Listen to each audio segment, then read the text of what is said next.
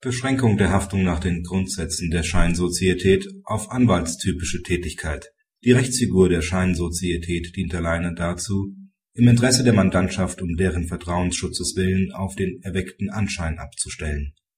Die Haftung des Mitglieds einer Scheinsozietät setzt damit eine anwaltstypische Tätigkeit voraus. Die Klägerin vertreibt und repariert Computeranlagen. Die Beklagte war angestellte Rechtsanwältin einer Anwaltssozietät, die ihre EDV-Ausstattung bei der Klägerin erwarb. Die Klägerin nimmt die Beklagte auf Bezahlung von zwei Rechnungen über die Lieferung einer PC-Anlage in Höhe von 1.780 Euro und die Reparatur eines defekten Servers in Höhe von 877,10 Euro in Anspruch. Die Rechnungen stellte die Klägerin auf die Sozietät aus.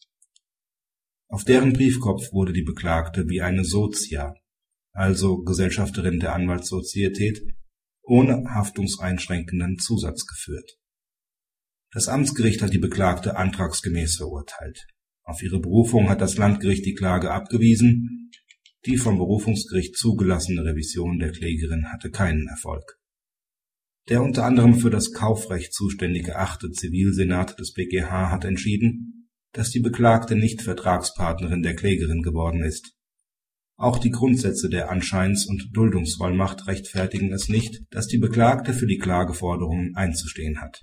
Zwar hat die Beklagte nach außen den Anschein einer Anwaltssozietät erweckt, die Rechtsfigur der Scheinsozietät dient jedoch allein dazu, im Interesse der Mandantschaft um deren Vertrauensschutzes willen auf den erweckten Anschein abzustellen. Die Haftung des Mitglieds einer Scheinsozietät setzt somit eine anwaltstypische Tätigkeit voraus der Kauf einer PC-Anlage und ein damit verbundener Reparaturauftrag stellen jedoch, auch wenn sie für ein Anwaltsbüro erfolgen, keine solche Tätigkeiten dar